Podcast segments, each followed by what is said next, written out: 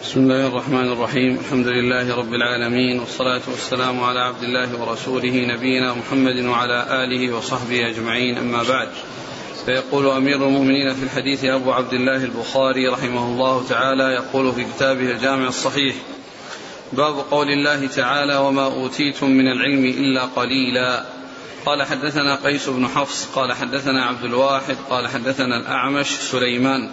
عن إبراهيم عن علقمة عن عبد الله رضي الله عنه أنه قال بين أنا أمشي مع النبي صلى الله عليه وسلم في خريب المدينة وهو يتوكأ على عسيب معه فمر بنفر من اليهود فقال بعضهم لبعض سلوه عن الروح وقال بعضهم لا تسألوه لا يجيء فيه بشيء تكرهونه فقال بعضهم لنسألنه فقام رجل منهم فقال يا أبا القاسم ما الروح فسكت فقلت إنه يوحى إليه فقمت فلما انجلى عنه فقال ويسألونك عن الروح قل الروح من أمر ربي وما, وما أوتوا من العلم إلا قليلا.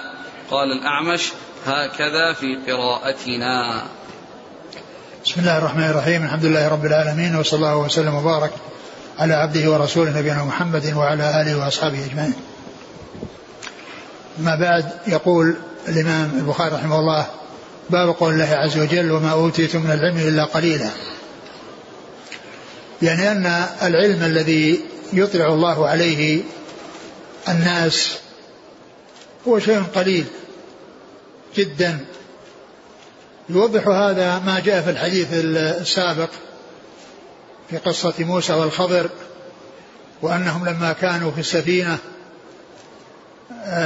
نقر عصفور في البحر نقرة أو نقرتين فقال الخضر لموسى إن يعني إن ما عندي من العلم وما عندك من العلم مثل ما علق بخرطوم هذا العصفور يعني أنه شيء قليل من هذه البحور الزاخرة. ومعلوم أن البحور منتهية. والله عز وجل علمه واسع ولا ينتهي وليس بمحصور. وإن كانت هذه البحور الزاخرة محصورة لكن في فيه التنبيه إلى أن ما أعطاه الله عز وجل من العلم لموسى والخضر أنه بمثل ما علق بخرطوم هذا العصفور وهو يدل على قلة ما عند الناس من العلم الذي أعطاهم الله عز وجل إياه وعلم الله واسع وما أوتي الناس منه هو الشيء القليل. ثم ذكر هذا الحديث عن ابن مسعود رضي الله عنه أنه كان يمشي مع النبي صلى الله عليه وسلم في بعض الخريبات في المدينة وكان يتكئ على عسيب يعني على عصا من جريد النخل. على عصا من جريد النخل يعني أزيل خوصها وبقيت. يعني تلك تلك الجريد أو ذلك الجريد الذي أزيل منه الخوص فكان عصا فكان يتكئ عليها فمر بنفر من اليهود. فقال بعضهم لبعض سلوه عن الروح. فقال بعضهم لا تسألوه يخبركم بشيء لا ترضونه. قالوا لا نسألنه فسألوه عن الروح. فأمسك عليه الصلاة والسلام وكان يوحى وأوحي إليه قال ابن مسعود ف يعني آه لما ذهب ما كان يحصل له من الشدة عند نزول الوحي تلا هذه الآية والله عز وجل يسألونك عن الروح قل الروح من أمر ربي وما أوتيت من العلم إلا قليلا. وما أوتيت من العلم إلا قليلا. والبخاري أورده من أجل قوله وما أوتيت من العلم إلا قليلا. أي أن ما أوتيه الناس من العلم أنه شيء يسير جدا وقليل جدا وليس بشيء وإنما هو في غاية القلة في في في في, في, غاية في الغاية في, في, في القلة. والروح التي سئل عنها يعني الغالب أنها المراد بها الروح التي في حيوان والتي تكون بها حياته. ومعلوم أن هذه الروح لا أحد يعرف كيفيتها. وهي مخلوق موجود في الإنسان ولكن ما أحد يستطيع أن يعرف كيفية هذه الروح وأن يصفها. وهي خلق من خلق الله يكون بها حياة الإنسان ومع ذلك الناس لا يستطيعون أن يعرفوا حقيقة هذه التي بها حياتهم وهي الروح. ف فهي من أمر الله عز وجل والله عز وجل هو الذي خلقها. وأوجدها في, في الإنسان ومن المعلوم أن الإنسان مكون من جسد وروح مكون من جسد وروح والجسد هو الظاهر المشاهد المعاين والروح هي التي لا يشاهدها أحد ولا يستطيع أن يعرف حقيقتها. ولكن جاء في بعض الأحاديث أن أن الروح إذا قبضت وخرجت شخص البصر يعني يتبعها شخص بصر الميت يتبعها. ف والناس لا يعرفون حقيقتها ولا يعرفون كنهها وهي مما استأثر الله بعلمه بعلم حقيقته. وهي مخلوق من مخلوقات الله. وهذا مثل الساعة التي استأثر الله بعلمها. لا يعلم أحد متى تموت فكذلك الروح. الله سبحانه وتعالى هو الذي يعلمها وهي أمر من أمر الله ومخلوق من مخلوقات الله وما أوتي الناس من العلم إلا الشيء القليل. وقيل المراد بذلك آه، آه، آه، الروح الذي هو جبريل روح الأمين. وقيل إن المراد به عيسى الذي هو روح روح من الله عز وجل. وقيل القرآن الذي قال الله عز وجل وكذلك أحينا إليك روحا من أمرنا روحا من أمرنا الذي هو القرآن. لكن أقرب شيء أن المقصود به تلك التي هي المخلوق الذي يكون في الحيوان. المخلوق الذي لا يرى ولا ولا تعرف حقيقته وهو مما يعلمه الله سبحانه وتعالى ولا يعلمه غيره. تكون في الحيوان تكون فيه حياته وإذا نزعت منه فإنه يموت و و وتذهب عنه الحياة. نعم. اقرأ الحديث. عن عبد الله قال بين أنا أمشي مع النبي صلى الله عليه وسلم في خرب المدينة وهو يتوكأ على عسيب معه فمر بنفر من اليهود فقال بعضهم لبعض سلوه عن الروح وقال بعضهم لا تسألوه لا يجيء فيه بشيء تكرهونه فقال بعضهم لنسألنه فقام رجل منهم فقال يا أبا القاسم ما الروح? فسكت فقلت إنه يوحى إليه. فقمت فلما انجلى عنه فقال ويسألونك عن الروح قل الروح من أمر ربي وما أوتوا من العلم إلا قليلا. قال الأعمش هكذا في قراءتنا. وهذه قراءة الأعمش وهي غير مشهورة وغير معروفة وليست من القراءات السبع ولا غيرها من القراءات المشهورة وإنما هي في, في, في قراءة الأعمش. يعني كما جاء هنا كما كما قال في قراءتنا يعني قراءة الأعمش والقراءة المعروفة وما أوتيتم. من العلم إلا قليلا. نعم. قال حدثنا قيس بن حفص نعم. عن عبد الواحد ابن زياد وهو عن عن الأعمش نعم، سليمان. نعم سليمان بن مهران. عن إبراهيم إبراهيم بن يزيد بن قيس النخعي. عن علقمة. علقمة بن علقمة بن بن قيس. بن قيس النخعي. عن عبد الله. عن عبد الله بن مسعود رضي الله تعالى عنه وهو أحد الفقهاء من أصحاب الرسول صلى الله عليه وسلم. وهذا الإسناد الذي فيه آه إبراهيم عن آه عن عن علقمة عن عبد الله قيل من الأحاديث وصفت بأنها أصح الأسانيد. وصفت بأنها أصح الأسانيد. يعني يعني مثل هذا وفيه آه، أبو الزناد عن الأعرج عن أبي هريرة وفيه مالك عن نافع عن, عن ابن عمر وفيه يعني آه، عدة أحاديث أو عدة طرق وصفت بأنها أصح الأسانيد. فمن العلماء من قال هذا صح ومنهم من قال هذا صح والمعروف عند البخاري أن أصح الأسانيد هو مالك عن نافع عن ابن عمر. نعم. ولكن ولكن كلها يقال عليها إنها من أصح الأسانيد. كلها من أصح الأسانيد لأن هذا هذا قاله إمام وهذا قاله إمام وهذا قاله إمام فيصدق عليها كلها أنها من أصح الأسانيد. نعم. قال رحمه الله تعالى باب من ترك بعض الاختيار مخافة أن يقصر فهم بعض الناس عنه فيقع في أشد منه. قال حدثنا عبيد الله بن موسى عن إسرائيل عن أبي إسحاق عن الأسود قال قال لي ابن الزبير كانت عائشة رضي الله عنها تسر إليك كثيرا فما حدثتك في الكعبة؟ قلت قالت لي قال النبي صلى الله عليه وسلم يا عائشة لولا قومك حديث عهدهم قال ابن الزبير بكفر لنقضت الكعبة فجعلت لها بابين باب يدخل الناس وباب يخرجون ففعله ابن الزبير. أعد متن الإسناد. قال حدثنا عبيد الله بن موسى عن إسرائيل عن أبي إسحاق عن الأسود. قال قال لي ابن الزبير كانت عائشة تسر إليك كثيرا فما حدثتك في الكعبة؟ قلت قالت لي قال النبي صلى الله عليه وسلم يا عائشة لولا قومك حديث عهدهم قال ابن الزبير بكفر لنقضت الكعبة فجعلت لها بابين باب يدخل الناس وباب يخرجون ففعله ابن الزبير. ثم ذكر باب من ترك بعض الاختيار من ترك بعض الاختيار مخافة أن يقصر فهم بعض الناس عنه.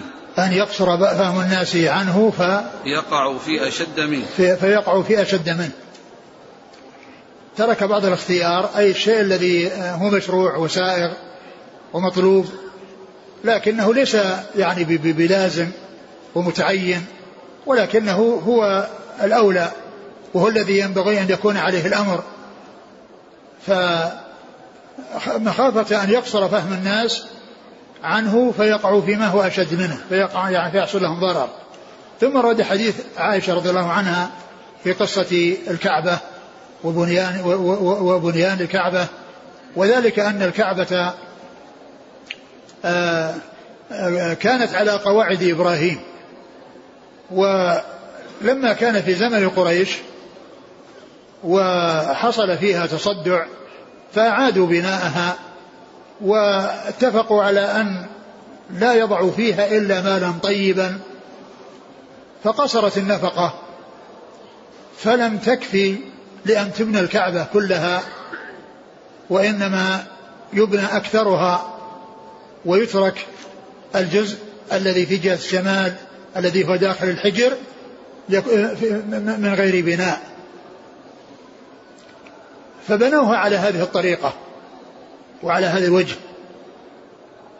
والرسول صلى الله عليه وسلم حدث عائشة أنه قال لولا أن قومك حديث عهد بالكفر لهدمت الكعبة وبنيتها على قواعد إبراهيم وجعلت لها بابين وجعلت أبوابها يعني بابها في الأرض وجعلت لها بابين باب يدخل منه وباب يخرج منه. ابن الزبير رضي الله عنه يعني آه، قال للأسود النخعي إن عائشة تسر إليك فحدثني عما قالت لك في الكعبة. ففي بعض الروايات أنه قال إنني قد نسيت. قال يعني أنا أذكرك. يعني معناه إذا كنت نسيت شيء وأنا عندي أنا أذكرك إياه. فحدثه بالحديث عن عائشة رضي الله عنها في قصة الكعبة. ولهذا قال قال ابن الزبير بكفر. حديث عائشة بكفر. فنبه ابن الزبير عليها وقال بكفر. والذي بعدها قيل إنه مما اكمله ابن الزبير كله وقيل ان ان ان, أن, أن أنه كله يعني آه، من كلام الأسود أو مما رواه الأسود إلا هذا الذي أتى به بقوله بكفر حيث نبه ابن الزبير عليها. وقيل إن الباقي كله من ابن الزبير يعني بعد بكلمة بكفر وأنه مما نبهه عليه. ولكن الحديث جاء من طرق كثيرة ومن طرق متعددة وأوردها البخاري في مواضع. ومحل الشاهد منه أن الرسول صلى الله عليه وسلم ترك بناء الكعبة على هذا الوضع الذي ليس على قواعد إبراهيم. لأن الكفار كفار قريش حديث عهدهم بالكفر. لما فتح لما فتحت مكة في السنة الثامنة وأبقى الرسول أبقى الكعبة على ما هي عليه. ولكنه أخبرها بأنه لولا أن قوم قومها أي قريش حديث عهد بالكفر لفعل كذا وكذا. هذا أخبر به الرسول صلى الله عليه وسلم وقد ترك هذا الأمر الذي فيه الاختيار وأنه الأولى. لما يخشى من أن يترتب فتنة ومضرة أكبر من هذا وأعظم من هذا فدل على أنها تترك يعني بعض المصالح من أجل التخلص من بعض المفاسد الكبيرة التي تترتب على ذلك. ف فالرسول صلى الله عليه وسلم كان بإمكانه أن يهدمها وأن يبنيها على قواعد إبراهيم كما كانت قبل قريش. ولكن منعه من ذلك وأن قريش حديث عهد بالكفر وهم يعظمون الكعبة وقد بنوها على هذا البناء. فخشي أن يحصل منهم شيء يعني يضرهم في دينهم وأن يقولوا إنه أراد أن يبنيها حتى يعني يكون له الشرف في البناء ويقال هذا بناء محمد ويترك بناء قريش الذي بنوه الذي بنوه وهم يعظمون الكعبة. و فالرسول ترك هذا من أجل ألا يقع في نفوسهم شيء يضرهم يعني يأتيهم مضرة عليهم. ابن الزبير رضي الله عنه أخذ بهذا الحديث وبنى الكعبة لما كان على ولاية مكة رضي الله عنه وأرضاه وبناها وفقا لما ولكن لما جاء الحجاج وانتهى ابن الزبير رضي الله عنه أعادها على على بناء قريش وأبقاها على بناء قريش وبقيت حتى الآن على هذا البناء وبقيت على هذا على هذا على يعني على هذا الوضع الذي هي عليه. الحجر خارج خارج الكعبة وهو جزء من الكعبة. خارج الكعبة المبنية وهو جزء من الكعبة. ولهذا لا يطوف لا يجوز الطواف من داخل الحجر. ولو طاف الإنسان ولو شطا واحدا من داخل الحجر بطل طوافه. لأنه ما طاف بالكعبة كلها. ما طاف بالكعبة كلها وإنما طاف ببعضها. ولهذا جعل الحجر ومن الخطأ البين ما أطلق على عند الناس أنه حجر إسماعيل. وإسماعيل عليه الصلاة والسلام لا علاقة له بهذا الحجر ولم يوجد هذا الحجر في زمن إسماعيل بل إسماعيل هو الذي ساعد أباه في بناء الكعبة وقد بنوها على القواعد والحجر داخل فيها والحجر داخل فيها في زمن إسماعيل وبعد زمن إسماعيل حتى جاء زمن قريش وغيرت إلى هذا الوضع الموجود فالقول بأنه حجر إسماعيل هذا من الخطأ الشائع من الخطأ الشائع ليس حجرا لإسماعيل وإسماعيل ما لا علاقة, لا علاقة له بهذا الحجر. والحجر لم يوجد إلا في زمن قريش ولم يوجد في زمن إسماعيل ولا بعد زمن إسماعيل. حتى جاء زمن قريش وقصرت بهم النفقة فأخرجوا جزءا جزءا من جهة الشمال وجعلوا عليه هذا الحائط أو جعلوا عليه حائط حتى يعلم أنه آه، أخرج من الكعبة حتى يطوف الناس من وراءه لا يطوف من الداخل حتى يعرف يكون طواف من الخارج من خارج الحجر على بحيث يكون بالكعبة كلها. ولهذا كما قلت لو أن أحدا طاف من داخل الحجر فطوافه غير صحيح. والحجر جزء من الكعبة. ومن صلى في الحجر كأنه صلى في الكعبة. لأنه جزء منها. بس جزء غير مبني. جزء غير مبني. إذا البخاري رحمه الله يعني ترجم هذه الترجمة وأورد هذا الحديث من أجل أن أنه قد يترك الشيء الذي آه، هو الأولى وهو ليس بمتعين وليس بلازم لأنه لو كان متعين ولازما ما تركه الرسول صلى الله عليه وسلم. ولكن كونها قرة وأبقاه على ما هو عليه وترك مخافة أن تحصل هذه هذه الفتنة للناس دل على أن أنه غير متعين وأنه ليس بواجب وما دام أن الكعبة يعني يطاف من ورائها ولو كان جزء منها قد آه، أخرج منها فإن فإن آه، ترك الرسول صلى الله عليه وسلم لها يدل على هذا على هذا المعنى الذي آه الذي ترجم له البخاري رحمه الله. أقرأ الحديث. قال عن الأسود قال قال لي ابن الزبير كانت عائشة تسر إليك كثيرا فما حدثتك في الكعبة قلت قالت لي قال النبي صلى الله عليه وسلم يا عائشة لولا قومك حديث عهدهم. قال ابن الزبير بكفر لنقضت الكعبة فجعلت لها بابين باب يدخل الناس وباب يخرجون. ففعله ابن الزبير. فعله ابن الزبير في ولايته على مكة ثم أن الحجاج عادها على ما كانت عليه في زمن قريش وبقيت حتى الآن على هذا الوضع الذي هي عليه في زمن قريش. نعم. قال حدثنا عبيد الله بن موسى نعم. عن إسرائيل نعم. عن أبي إسحاق السبيعي نعم. عن الأسود الأسود بن, بن يزيد بن قيس النخعي. الأسود بن يزيد نعم. النخعي نعم. عن عائشة. نعم. قال رحمه الله تعالى باب من خص بالعلم قوما دون قوم كراهية ألا يفهموا. وقال علي رضي الله عنه حدثوا الناس بما يعرفون أتحبون أن يكذب الله ورسوله؟ قال حدثنا عبيد الله بن موسى عن معروف بن خربوذ عن أبي الطفيل رضي الله عنه عن علي رضي الله عنه بذلك. ثم ذكر باب من خص بالعلم قوما دون غيرهم. باب من خص بالعلم قوما دون قوم كراهية ألا يفهموا. نعم. من خص بالعلم قوما دون قوم كراهية ألا يفهموا. يعني أنه ليس كل شيء يسمع لجميع الناس فإن الناس متفاوتون في الأفهام وفيهم العوام وفيهم الخواص. فبعض الناس لو حدث بشيء فإنه قد يفهمه على على غير ما ينبغي أن يفهم عليه. ولهذا لا يبذل كل شيء من العلم عند كل أحد بل لكل مقام مقال ف وقد جاء في في في هذا هذا الأثر عن علي رضي الله عنه أنه قال حدثوا الناس بما يعرفون أتريدون أن يكذب الله ورسوله؟ يعني يحدث الناس بما يعرفون بالشيء الذي تدركه أفهامهم. وأما كونهم يحدثون بشيء لا يفهمونه وشيء يصعب عليهم فهمه أو يفهمونه فهما على غير حقيقته فإن هذا لا لا لا يعلم لكل أحد ولا يلقى على كل أحد لما يخشى من الفتنة عليهم. وهذا مثل مثل ما يأتي في مسألة الترغيب آه، الرجاء. إذا آه، يعني ألقي على على الناس يعني أحاديث الوعد دون أحاديث الوعيد يمكن أن بعد ذلك يلحقهم مضرة. بهذا. يفهمون أن من حصل منه ذلك ولو حصل منه ما حصل فإن ذلك لا يؤثر. وهذا هو الذي حصل للمرجئة الذين قالوا لا يضر مع الإيمان ذنب كما لا ينفع مع الكفر طاعة. لا يضر مع الإيمان ذنب كما لا ينفع مع الكفر طاعة. وكذلك أحاديث الوعيد دون أحاديث الرجاء.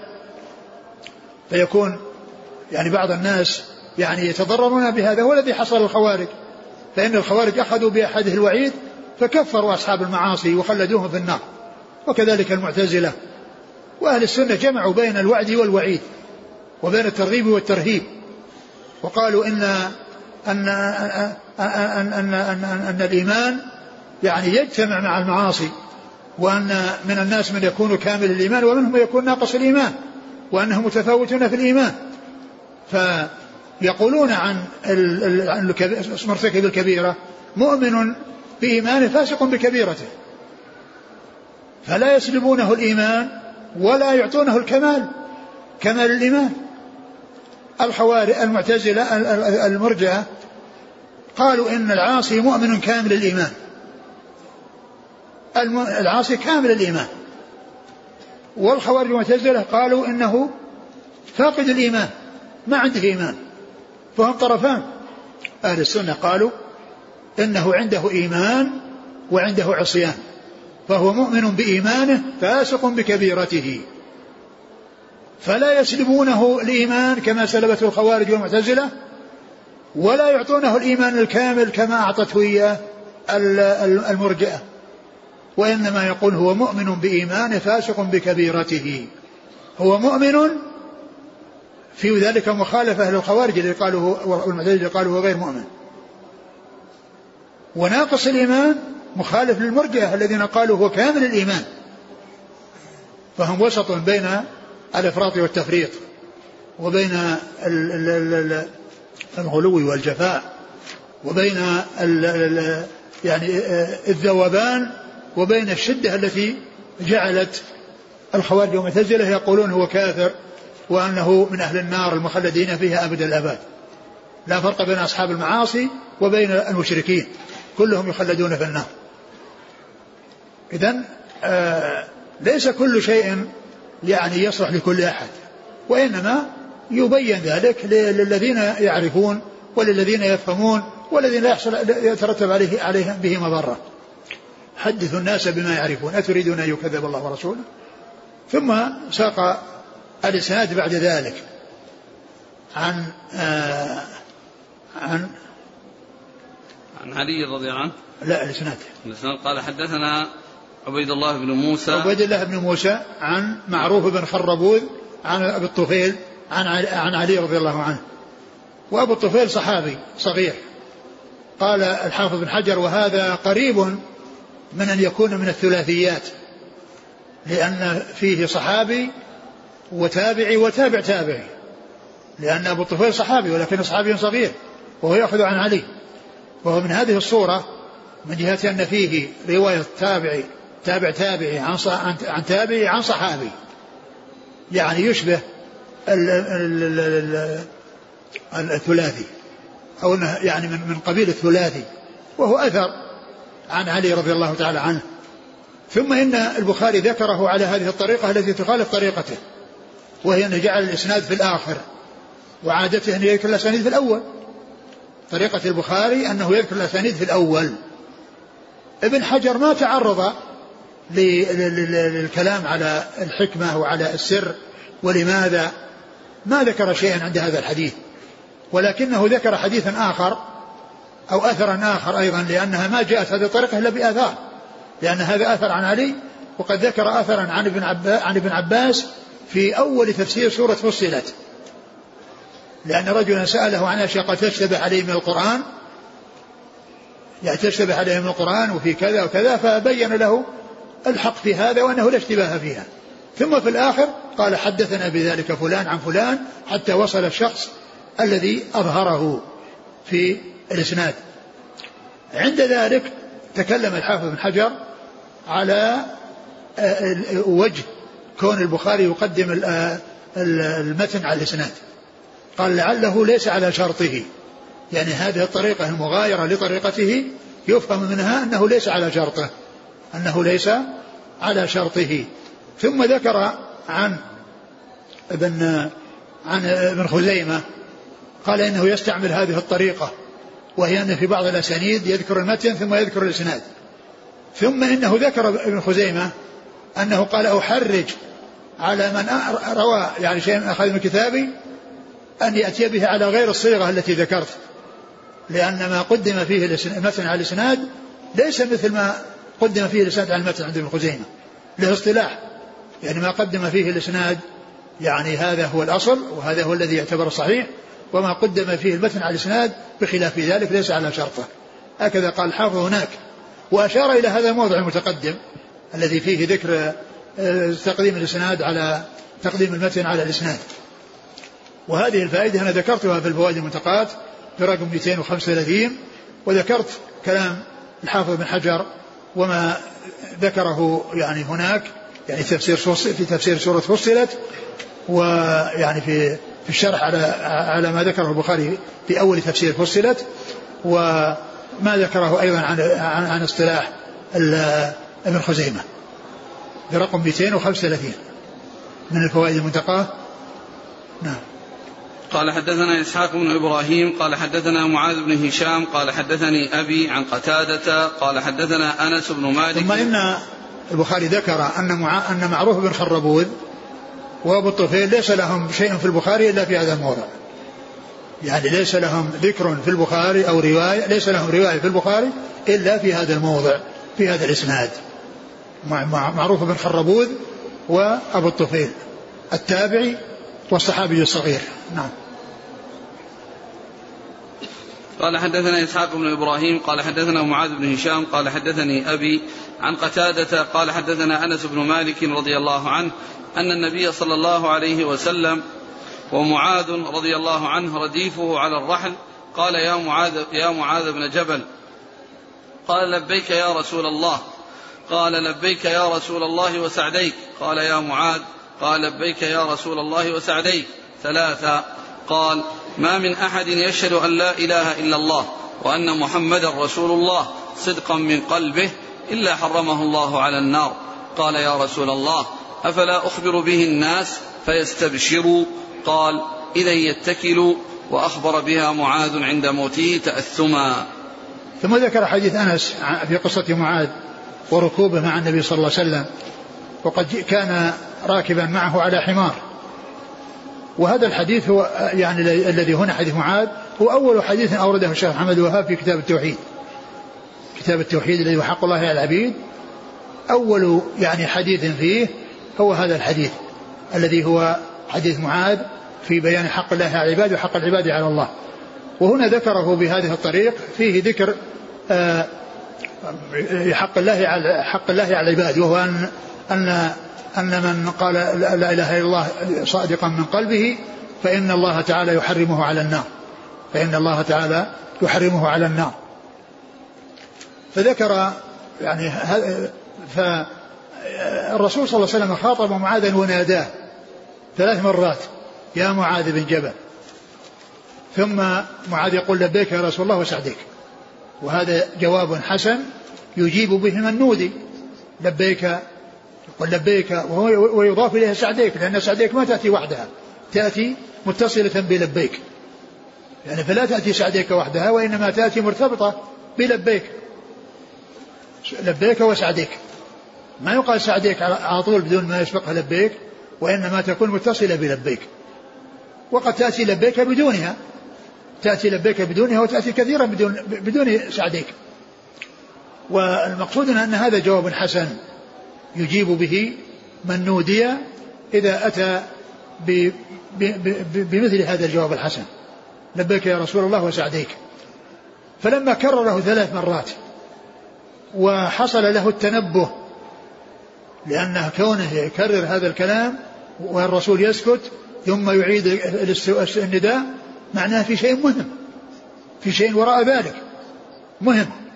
فهذه من الطرق التي كان آه، آه، فيها بيانه صلى الله عليه وسلم وحرصه على تلقي الحق عنه وتلقي الحديث عنه وأنه يأتي بالأمور التي ترغب وتشوق السامع إلى أن يستعد ويتهيأ للشيء الذي يلقى عليه.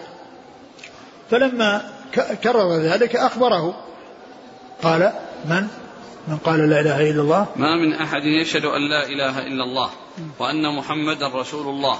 صدقا من قلبه إلا حرمه الله على النار. ما من أحد يعني آه، يشهد أن لا إله إلا الله وأن محمد رسول الله صدقا من قلبه.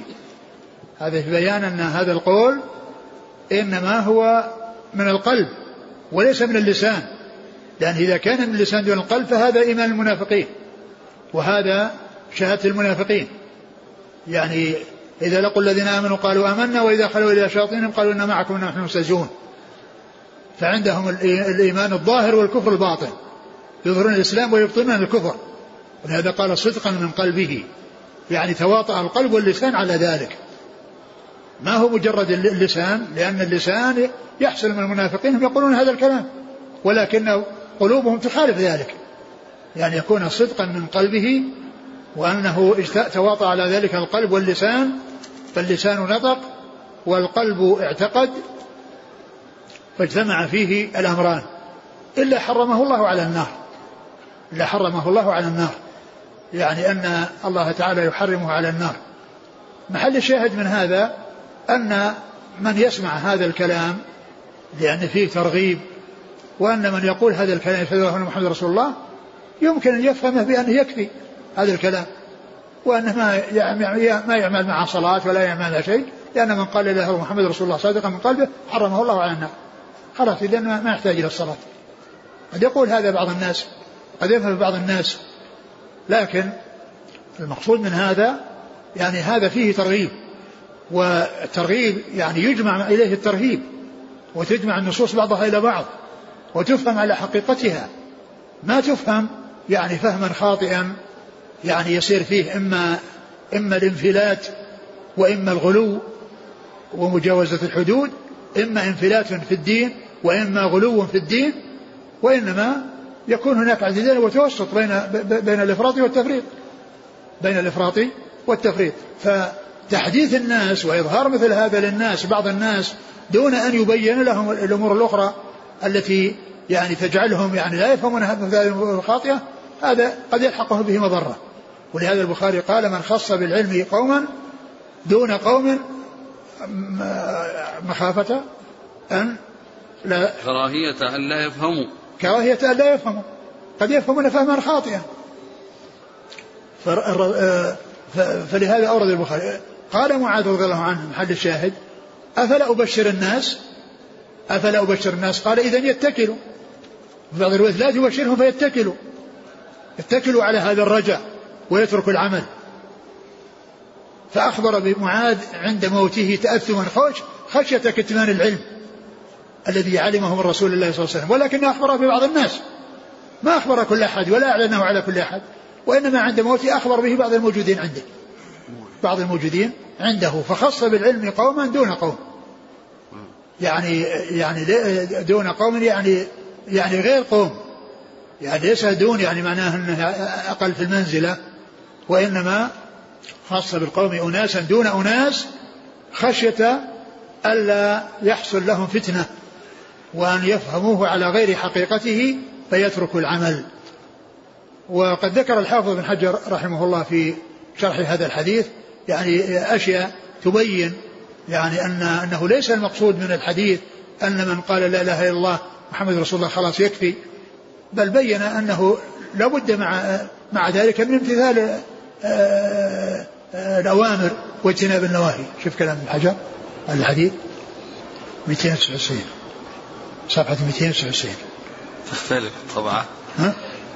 قال شرح الحديث هذا نفسه قال لكن دلت الأدلة القطعية عند أهل السنة أن طائفة من عصاة المؤمنين يعذبون ثم يخرجون من النار بالشفاعة. يعني هذا يعني قوله حرمه الله على النار من قال لا إله إلا محمد رسول الله حرمه الله على النار يعني قد يفهم أنه ما يدخل النار أبد على طول يدخل الجنة.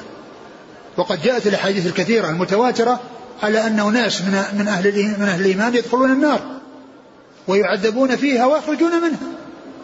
يخرجون منها. لكن ليس منها على ظاهره انه ما يدخل الجنة ما يدخل الجنة ما, ما يدخل النار. على طول يروح للجنة.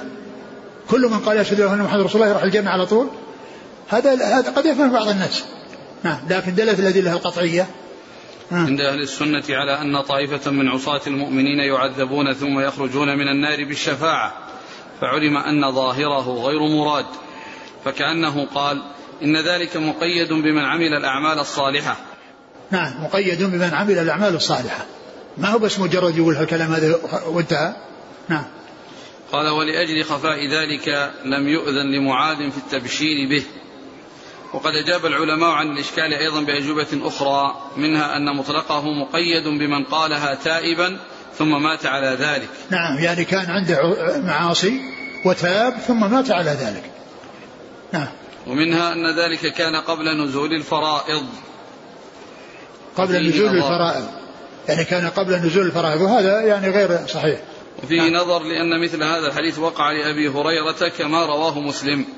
وصحبته متأخرة عن نزول أكثر الفرائض. وكذا ورد نحوه من حديث أبي موسى رواه أحمد بإسناد حسن. وكان قدومه في السنة التي قدم فيها أبو هريرة. نعم. ومنها أنه خرج مخرج الغالب إذ الغالب أن الموحد يعمل الطاعة ويجتنب المعصية. نعم. ومنها أن المراد بتحريمه على النار تحريم خلوده تحريم خلوده فيها لا أصل دخولها. نعم التحريم تحريم تحريم على النار الخلود فإنه لا يخلد العصاة في النار أبدا. لا بد أن يخرجوا منها ويدخل الجنة. فإذا التحريم تحريم الخلود يصير. لأنه يعني حتى يتفق مع النصوص التي فيها دخول بعض العصاة النار. ومنها أن المراد المراد النار التي أعدت للكافرين لا الطبقة التي أفردت لعصاة الموحدين. نعم لأن النار قال ابن القيم في كتابه آه، في كتابه آه، في في الأذكار آه، له كتاب في الأذكار اسمه إيش؟ الوابل الصيب الكلم الطيب. قال الدور ثلاث. داران باقيتان لا تفنيان ولا تبيدان. وهي الدار التي جمع الدار اللي جمعت فيها الطيب المحض والخبث المحض. فالطيب المحض الجنة. من دخلها فإنه يستمر فيها والخبث المحض النار. من دخلها وهم الكفار يستمرون في دار الكفار التي هي يعني مكان الخاص بهم من النار. ودار جمعت بين خبث وطيب وهي النار التي فيها العصاة. النار التي فيها العصاة. وهذا الذي أشار إليه هنا في الجب الأخير هذا. لأن هذا المكان الذي فيه العصاة يخرج منه أهله ويذهبون إلى الجنة. ولا يبقى فيه أحد. لأنهم صاروا في هذا المكان الخاص بهم فيخرجون يدخلوا الجنة. فإذا تبقى في النهاية ما فيه إلا آه، الجنة أو النار. ما يبقى إلا الكفار أبد الآباد والذين دخلوا الجنة يبقون فيها أبد الآباد. وأهل الجنة منهم من يدخلها من أول الأمر ومنهم من يدخلها بعد بعد وقت. وهم العصاة الذين يعذبون في النار. فيقول أن الدور ثلاث داران داران دار داران لا تفنيان ولا تبيدان. الجنة لا تفنى ولا تبيد والنار لا تفنى ولكن النار اللي فيها الكفار. أما النار التي فيها العصاة فهذه تنتهي ويذهب أهلها ويدخلون الجنة ويبقى مكانهم ليس فيه شيء. ومنها أن المراد بتحريمه على النار حرمة جملته لأن النار لا تأكل مواضع السجود من المسلم كما ثبت في حديث الشفاعة أن ذلك محرم عليها وكذا لسانه الناطق بالتوحيد نعم. والعلم عند الله تعالى نعم. فأخبر بها معاذ عند موته تأثما يعني خشية الإثم من الكتمان ولكنه أخبر بعض الناس ولهذا قال هنا في من خص بالعلم بعضا دون بعض قال حدثنا إسحاق بن إبراهيم. هو المروزي آه، بن راهوية. نعم. عن معاذ بن هشام. نعم. عن أبيه. نعم. هشام الدستوائي نعم. عن قتادة. نعم. عن أنس. نعم.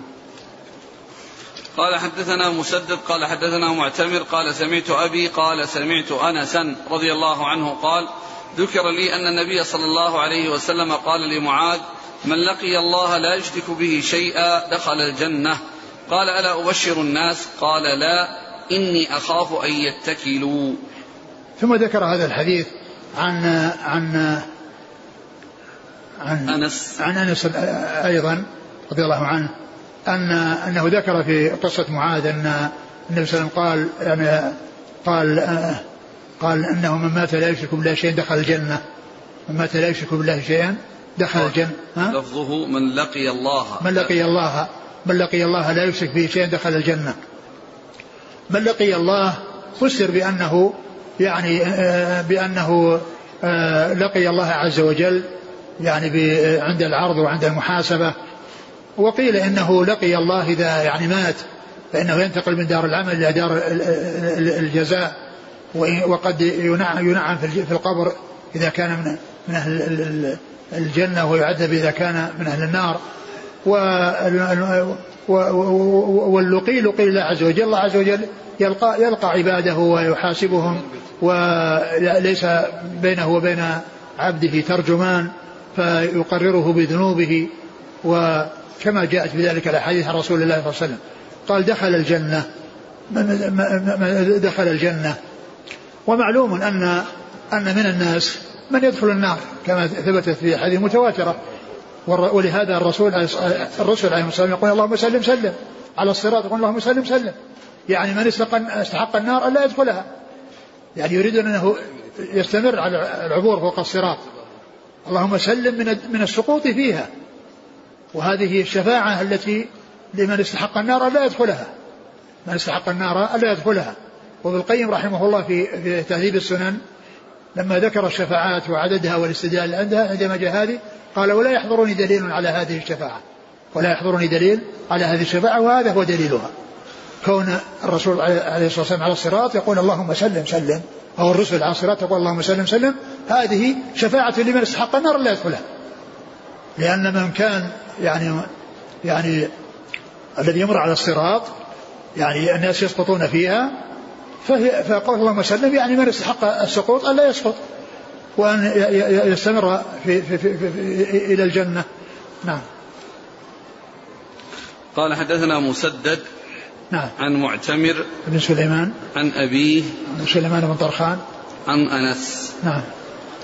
إسناده إسناده البصريون نعم. قال رحمه الله تعالى باب الحياء في العلم. وقال مجاهد والله تعالى أعلم وصلى الله وسلم وبارك على عبده ورسوله نبينا محمد وعلى آله وأصحابه أجمعين. جزاكم الله خيرا وبارك الله فيكم ألهمكم الله الصواب ووفقكم للحق. نفعنا الله بما سمعنا وغفر الله لنا ولكم وللمسلمين أجمعين آمين. الفرق بين البابين الباب من ترك بعض الاختيار مخافة أن يقصر فهم بعض الناس عنه فيقع في أشد منه. ثم قال باب من خص بالعلم قوما دون قوم كراهية ألا يفهموا. قال الحافظ الحجر الأول في الأفعال وهذا في الأقوال. الثاني واضح يعني في العلم المسائل العلمية. إيه هو الأول؟ فعل. فعل. يبي يهدم الكعبة. ها؟ أقول كان يبي يهدم الكعبة وترك. لا لا الباب الباب الكبير الكتاب. كتاب العلم. ها. مناسبة.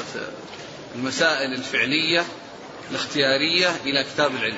لأن يعني كما هو معلوم هذا من العلم هذا من العلم الذي يعني آآ آه، آآ آه، الأولى الأولى هو فعله ولكن ترك هذا الأولى حتى لا يحصل مضرة على الذين آه، يفعل بحضرتهم. وهو من العلم لأن هذا الذي الحديث الذي بينه الرسول هو من العلم ولكنه الذي الترك والشيء الذي يتعلق به هو فعل وهو هدم الكعبة وبناها على قواعد إبراهيم. يقول السائل فضيلة الشيخ آه، ما حكم الاحتجاج بالقراءة الشاذة في الأحكام الشرعية كقراءة ابن مسعود فصيام ثلاثة أيام متتابعات؟ هناك بعض القراءات يعني آه، تعتبر شاذة ولا يعني يعول عليها وبعض القراءات تعتبر آحاد وبعض أهل العلم يستدل يعني بها يعني على اعتبار يقول كأنها من كأنها حديث وأنها من جملة الحديث الذي صح إسناده يعني فتكون يعني آه، يعمل بها. ولكن كما هو معلوم القرآن هو المتواتر وهو الذي يعني آه، مقطوع به وأما يعني ما سوى ذلك فهو مشكوك فيه. قوله إذا يتكلوا. يعني إذا لو بشرتهم يتكلوا على هذا الوعد فيتساهلوا في العمل فيحصل منهم التساهل في العمل. ما دام أن من قال لا إله إلا الله وأشهد أن محمدا رسول الله حرمه الله على النار خلاص يعني كافي. بعض الناس يعني يفهمون هذا الفهم الخاطئ مثل ما فهموا المرجئه مثل ما فهمه المرجئه وقالوا لا يضر مع الايمان ذنب كما لا ينفع مع الكفر طاعة روى البزار بإسناد حسن من حديث أبي سعيد الخدري رضي الله عنه في هذه القصة أن النبي صلى الله عليه وسلم أذن لمعاذ في التبشير فلقيه عمر فقال لا تعجل ثم دخل فقال أذن إيش؟ لا تعجل لا أذن إيش؟ ها؟ أذن لمن؟ لمعاذ لمعاذ ولا لأبي هريرة؟ لا لمعاذ ها.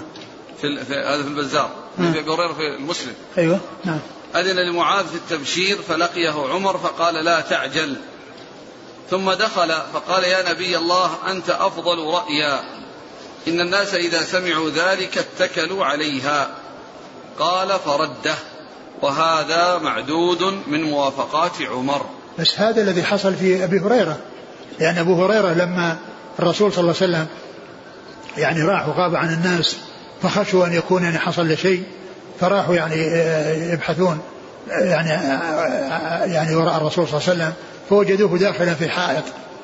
فسبق أبو هريرة إليه وقال إن الناس حصل كذا وكذا فاعطاهم عليه وقال أخبر الناس من لقيت من وراء هذا الحائط يشهد لا إله إلا الله رسول الله فبشره في الجنة. فسمعه عمر فدفعه وقال يعني انتظر ولا تعجل فلما جاء إلى عمر إلى جاء إلى الرسول صلى الله عليه وسلم قال إن عمر قال كذا قال لماذا يا عمر؟ قال أن يعني قال خلهم يعملون يا رسول الله. الرسول الرسول صلى الله عليه وسلم قال فخلهم وهذا موافقة عمر. أما قضية يعني معاذ يعني ما أدري عن وجه لعله يعني أن المسألة فيها يعني انتقال من يعني بين بين معاذ وأبي هريرة. لأن أبو هريرة قصته هي المعروفة في صحيح مسلم وفي غيره. وهذا يطابق مسألة أبي هريرة. وهذا يطابق يعني ما جاء في, في أبي هريرة.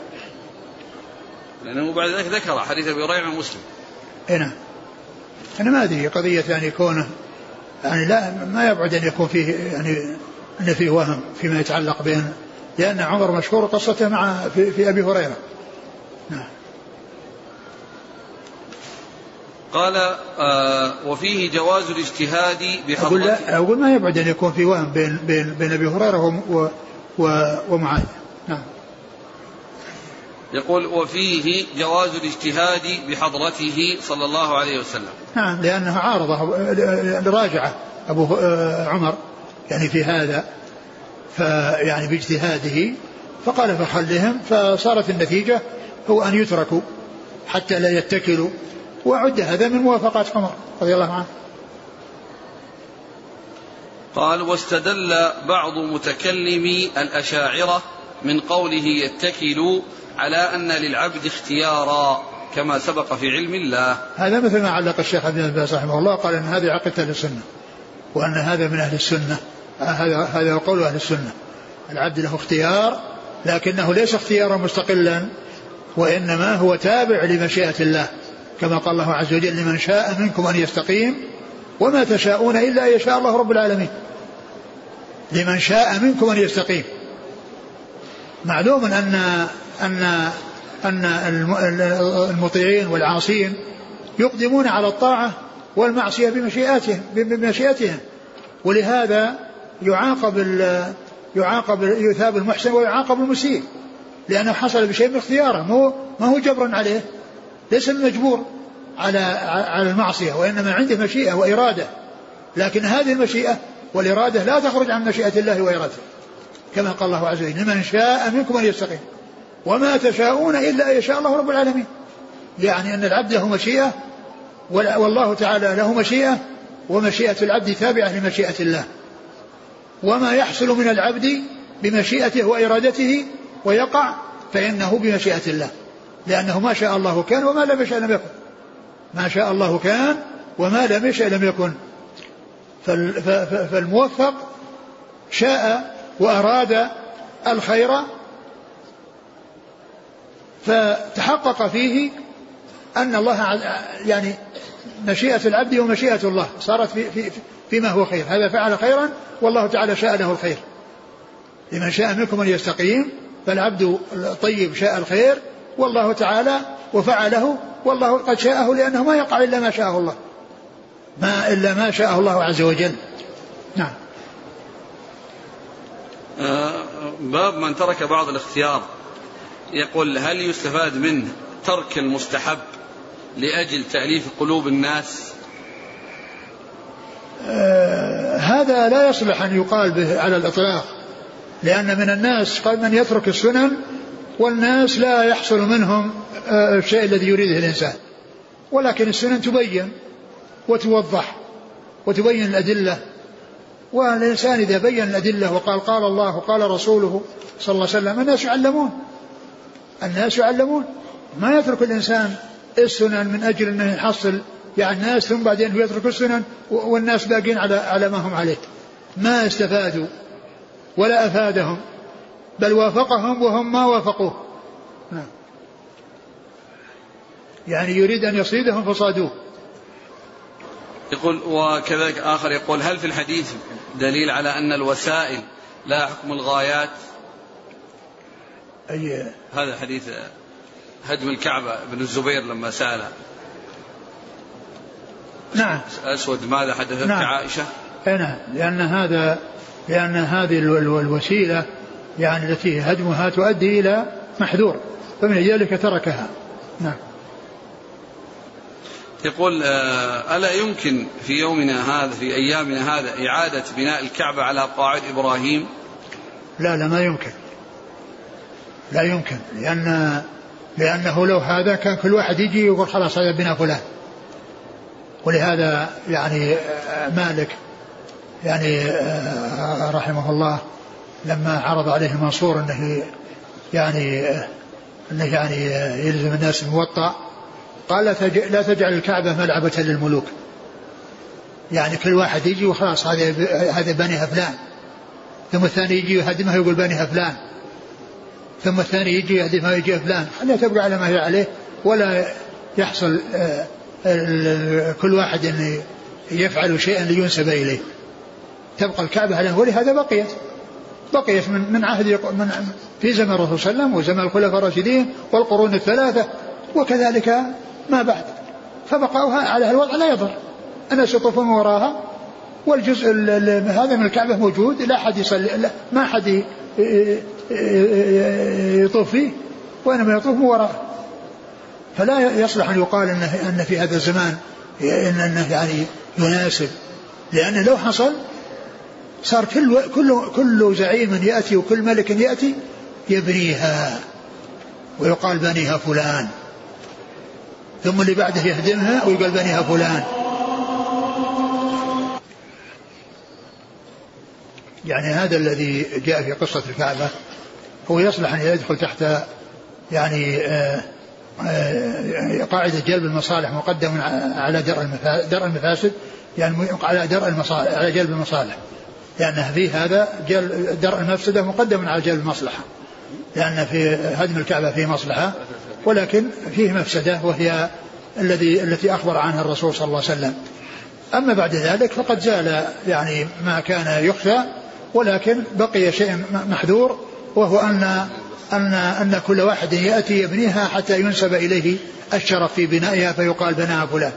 وما دام من الخلفاء الراشدين بعد الرسول صلى الله عليه وسلم وكذلك القرون الثلاثة الأول كلها بقيت على ما هي عليه وبقيت على ذلك فالأصل هو أن تبقى على هذا الوضع ولا يقدم أحد عليها لأن ذلك لن لن لن تبقى على على البناء الذي تبنى عليه.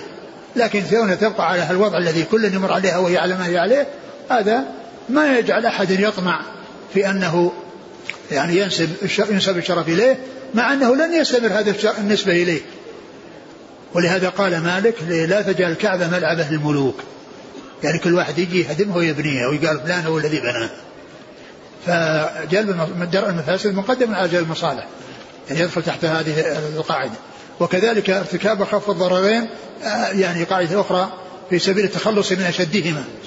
لأن بقاء الكعبة لأن ليست على قواعد إبراهيم هذا ضرر. وإن كان أنه يعني ليس آه، يعني آه، يترتب عليه شيء في الدين ف لكن ما يترتب عليه من ما هو أشد منه من الفتنة أو المحذور يعني يرتكب أخف الضررين في سبيل التخلص من أشدهما. فيبقى الأمر على ما هو عليه دون الشيء الذي جاء في السنة وأن الرسول صلى الله عليه وسلم هم به وأراده ولكن تركه حتى لا تحصل المفسدة والفتنة.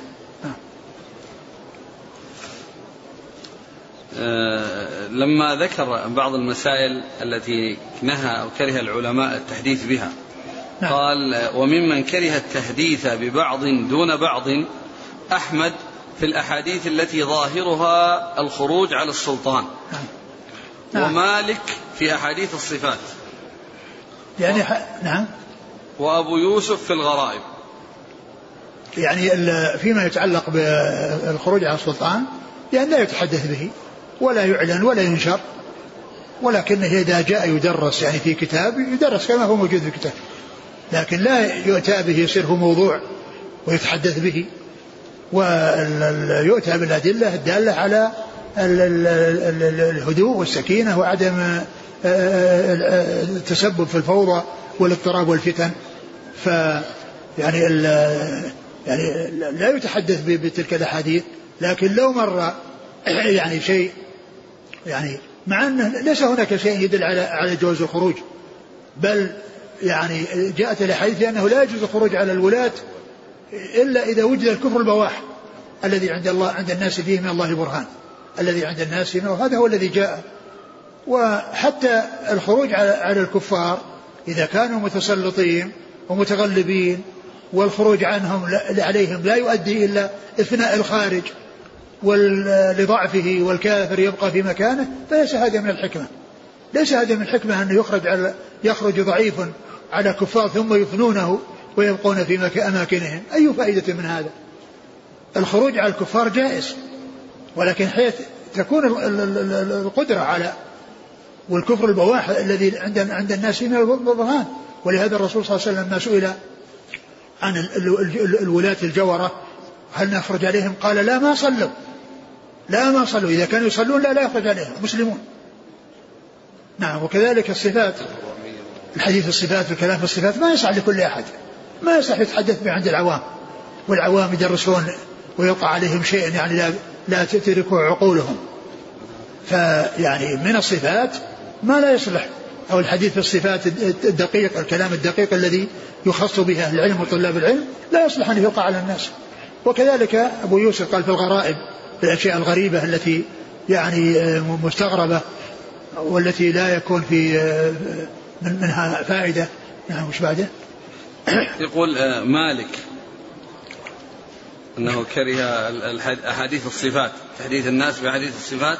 نعم هو المقصود من ذلك أن الكلام على الناس كلهم كون يعني يتكلم يتكلم في آيات الصفات عندهم وأحاديث الصفات ومعانيها والأشياء الدقيقة التي لا يفهمونها. ما تصلح إلا لطلاب العلم والمتعلمين نعم ثم قال وأبو يوسف في الغرائب نعم قال ومن قبلهم أبو هريرة كما تقدم عنه في الجرابين نعم. وأن المراد ما يقع من الفتن نعم. ونحوه عن حذيفة نعم. وعن الحسن هنا السؤال وعن الحسن أنه أنكر تحديث أنس للحجاج بقصة العرنيين نعم. لأنها اتخذها وسيلة إلى ما كان يعتمده من المبالغة في سفك الدماء بتأويله الواهي. نعم هذا الإنسان الذي ظالم ما يذكر عنده شيء يقوي يقويه على الظلم ويشجع على الظلم ويجعله يعني يستمر الظلم لأنه وجد مستند. أقول مثل هذا يخفى ومن العلم ما ينبغي أن يخفى. من العلم ما ينبغي أن يخفى حيث تكون الإخفاء فيه مصلحة وفيه فائدة وإخفاء العلم عن مثل عن مثل الحجاج لا شك أنه يعني أنه أمر مطلوب. ليس كل علم يصلح أن يقال لكل أحد. بل من العلم ما ينبغي إخفاؤه إذا ترتب على إظهاره مفسدة. وإن كان, وإن كان حقا وإن كان حقا يعني شيء حق يعني يظهر ويبين يعني آه، وفي وفي إظهاره مفسدة يعني يترك. لا لا يبين. لأنه ليس كل كل حق يعني في إظهاره يكون مصلحة بل من الحق ما ينبغي إخفاؤه نعم. يقول وضابط ذلك أن يكون ظاهر الحديث يقوي البدعة وظاهره في الأصل غير مراد. نعم. فالإمساك عنه عند من يخشى عليه الأخذ بظاهره مطلوب. نعم. يقول آه، يكفي يكفي الأسئلة؟ أقول الآن الصلاة طيب جزاكم الله خير. سبحانك الله وبحمدك أشهد أن لا إله إلا أنت أستغفرك وأتوب إليك.